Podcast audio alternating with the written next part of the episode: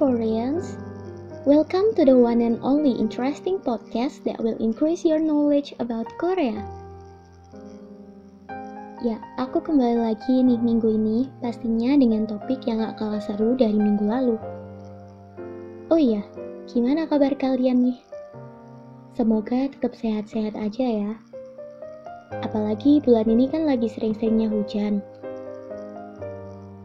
Ya, hampir tiap hari sih. Jadi harus pinter-pinter jaga kesehatan tubuh. Nah, pas hujan-hujan gini nih, makin nyaman sambil dengerin podcast. Dibarengin makan mie kuah, tambah telur setengah matang atau bikin teh hangat. oh ya, pembahasan podcast kali ini bakal lumayan berat karena mengenai konspirasi-konspirasi dan kasus pemerintah Korea Selatan, kemudian diikuti oleh skandal-skandal artis K-pop. Iya, Mungkin podcast ini juga bisa bikin teman-teman sedih, emosi, dan perasaan campur aduk karena kita bakal mengulas balik sejarah kelam Korea Selatan di tahun 2014. Ya, aku sudah melakukan banyak riset atau pencarian informasi mengenai kasus pemerintah Korea Selatan yang kemudian ditutupi oleh skandal artis K-pop melalui banyak media seperti Google, YouTube, dan Twitter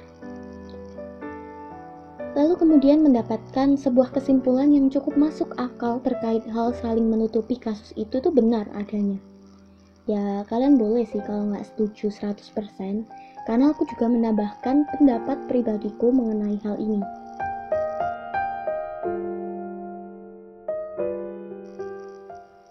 Dalam tiap negara, tidak mungkin memiliki sistem pemerintahan yang benar-benar sempurna dalam segala aspek pasti ada beberapa sistem atau aturan yang hanya menguntungkan sebagian pihak tertentu saja. Begitu pula dengan pemimpin-pemimpinnya. Banyak pemimpin yang masih tidak mampu memenuhi dan mempertanggungjawabkan jabatan mereka. Ya, ada banyak sekali kasus-kasus dalam suatu negara seperti kasus korupsi, narkoba, penyelewengan dana pembangunan negara, dan masih banyak lagi yang pastinya merugikan banyak masyarakat tak terkecuali negara Korea Selatan. Pernah ada sebuah fakta terungkap bahwa pemerintah Korea Selatan sering melakukan peralihan isu menggunakan idol group di sana. Ya oleh sebab itu aku tertarik untuk membahas lebih lanjut mengenai fakta tersebut. Ya, semisal ada kasus yang menyeret pemerintah, entah itu korupsi atau sebagainya. Biasanya tak lama setelah itu akan disusul berita mengenai idol group entah grup mereka akan mengeluarkan album baru atau idol grup A dengan idol grup B dikabarkan pacaran atau skandal prostitusi, skandal narkoba artis, dan banyak lagi. Hal tersebut pastinya membuat perhatian masyarakat terbagi. Industri hiburan Korea saat ini memang sangat besar. Mungkin kenaikannya sudah mulai terlihat ketika K-pop generasi kedua muncul. Kalau nggak salah sekitar tahun 2007-an. Pastinya hal ini juga menarik banyak cinta dan perhatian dari masyarakat, baik masyarakat Korea itu sendiri maupun masyarakat dunia. Namun sedihnya, ada banyak masalah-masalah negara yang juga tidak kalah penting dengan skandal-skandal artis K-pop tersebut. Bahkan masalah-masalah yang cukup serius hingga membuat banyak nyawa melayang. Nah, di awal pembahasan tadi kan aku menyebutkan tahun 2014 merupakan salah satu tahun kelam bagi masyarakat Korea Selatan. Mengapa aku mengambil sampel tahun ini?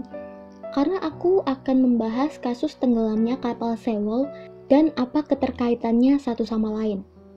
Mungkin sudah banyak dari kita yang mengetahui mengenai kasus tenggelamnya kapal Sewol yang sampai saat ini seperti tidak pernah menemukan penyelesaian yang masuk akal oleh pemerintah Korea Selatan. Baik, Mungkin aku bakal membahasnya sedikit, karena sebenarnya sudah banyak yang membahas kasus ini dalam berita-berita, video YouTube, film, video dokumenter, atau podcast yang mungkin akan lebih rinci dalam menjelaskannya. Sewol Ferry atau kapal Sewol merupakan kapal milik Korea Selatan yang tenggelam pada 16 April 2014 dalam perjalanan dari Incheon menuju Jeju. Kapal ini mengangkut 476 penumpang dan hampir 400-nya itu siswa SMA dan WON. Mereka satu angkatan akan pergi dharma wisata bersama guru-guru mereka ke Pulau Jeju. Dari 476 penumpang, hanya 172 yang selamat. 304 lainnya meninggal. Dan hingga saat ini, beberapa korban itu masih hilang atau masih tidak bisa ditemukan mayatnya. Padahal, apabila penyelamatannya cepat, jumlah penumpang yang selamat bisa saja lebih dari itu.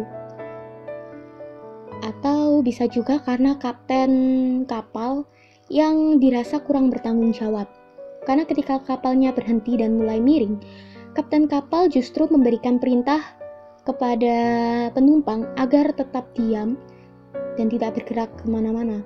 Padahal, apabila penumpang segera keluar dari kapal pada saat itu, mungkin akan ada banyak penumpang yang selamat gitu loh. Nah, bagaimana dengan presiden dan pemerintah Korea Selatan pada saat itu? Waktu tenggelam, presiden menghilang tanpa kabar selama 8 jam. Ternyata, Presiden Park yang saat itu menjabat di Korea Selatan sedang melakukan perawatan ia dikabarkan sedang melakukan prosedur kecantikan di kamar VVIP Hotel Bintang 5 di kawasan Seoul. Sosoknya tertangkap di sebuah CCTV namun pihak hotel terkesan menutupi hal itu. Seoul dilaporkan mulai tenggelam sekitar jam 9 pagi dan presiden baru datang ke lokasi sekitar jam 5 sore. Ketika rapat darurat, ibu presiden berkata bahwa murid-murid menggunakan pelampung. Lalu kenapa susah menyelamatkan mereka? Nah, kelihatan banget kan kalau ibu ini tuh sebenarnya nggak tahu gimana keadaan di sana. Setelah itu ada beberapa informasi yang salah dari pemerintah, seperti di mana letak kapal yang sebenarnya ketika kapal tersebut tenggelam. Kemudian pemerintah juga lambat dalam proses evakuasi korban, atau bisa jadi mereka juga hanya pura-pura saja melakukan evakuasi. Korea Selatan juga menolak bantuan dari Amerika Serikat untuk mengevakuasi korban. Akhirnya, banyak spekulasi dan konspirasi bermunculan bahwa sebenarnya kapal Sewol tersebut sengaja ditenggelamkan. Konspirasi-konspirasi yang muncul itu seperti hal tersebut itu berkaitan dengan Presiden Park yang mengikuti aliran sesat dan pendukung kuat feminisme di Korea Selatan. Kemudian, pemilik kapal Sewol yang katanya juga penganut aliran terlarang. Juga dibongkarnya seorang presiden bayangan yang selama ini mengendalikan Presiden Park dalam memimpin Korea Selatan. Ya, terlepas dari apa saja konspirasi yang terkuak, tetap saja hal tersebut memang menjadi salah satu kesalahan besar pemerintah karena tidak cepat dalam menangani kasus tersebut. Meskipun sudah banyak kemarahan masyarakat Korea Selatan yang pecah, tetap saja kasus tersebut seperti disembunyikan faktanya dari pemerintah. Sementara itu, Ibu Presiden Park ini sudah diturunkan paksa oleh masyarakat Korea Selatan karena memang beliau telah terlibat banyak kasus. Beliau dijatuhi hukuman 32 tahun penjara.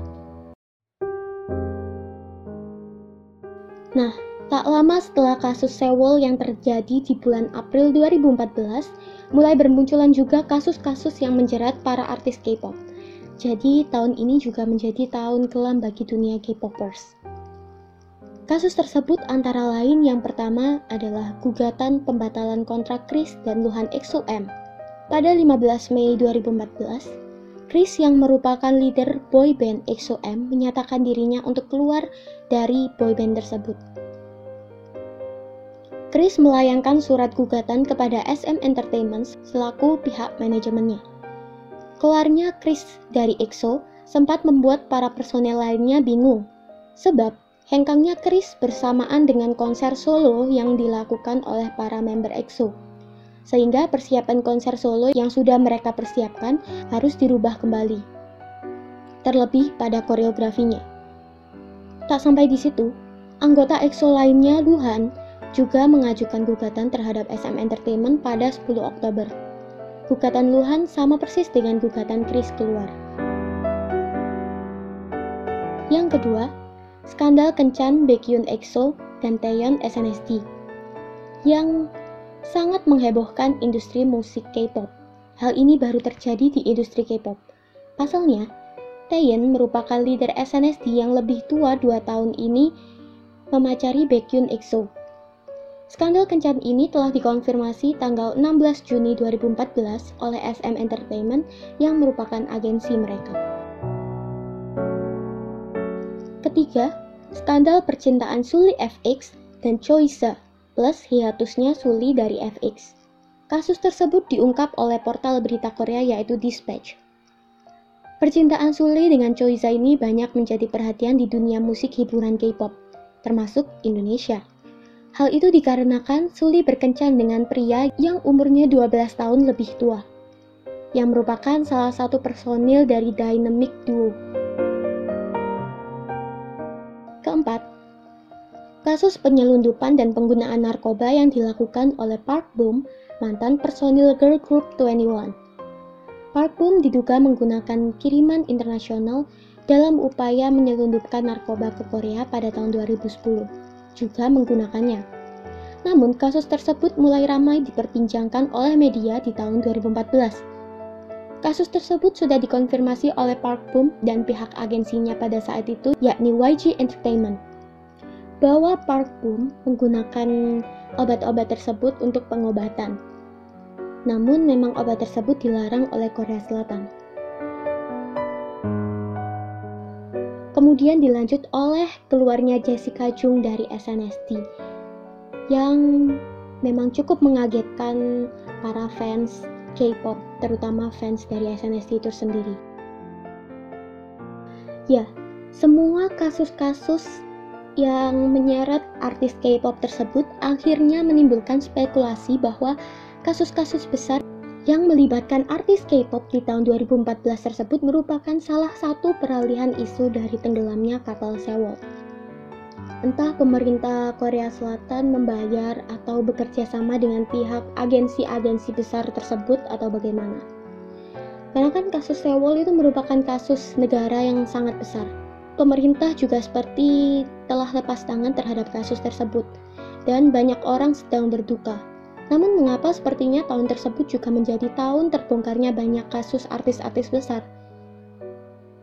Oleh sebab itu, masyarakat dari Korea Selatan pun juga akhirnya perhatiannya cukup terbagi. Ya silahkan kalian memikirkan kesimpulannya masing-masing. Mengapa masalah-masalah tersebut seakan-akan menghujani Korea Selatan pada tahun 2014. Nah, gimana? Menarik banget kan pembahasan kali ini? Wah, cukup memeras pikiran dan emosi kan ya? Kalau kalian suka podcast ini, silahkan share ke teman-teman kalian yang lain, dan nantikan episode seru lainnya minggu depan. Nega nomu nomu sarangi, bye-bye!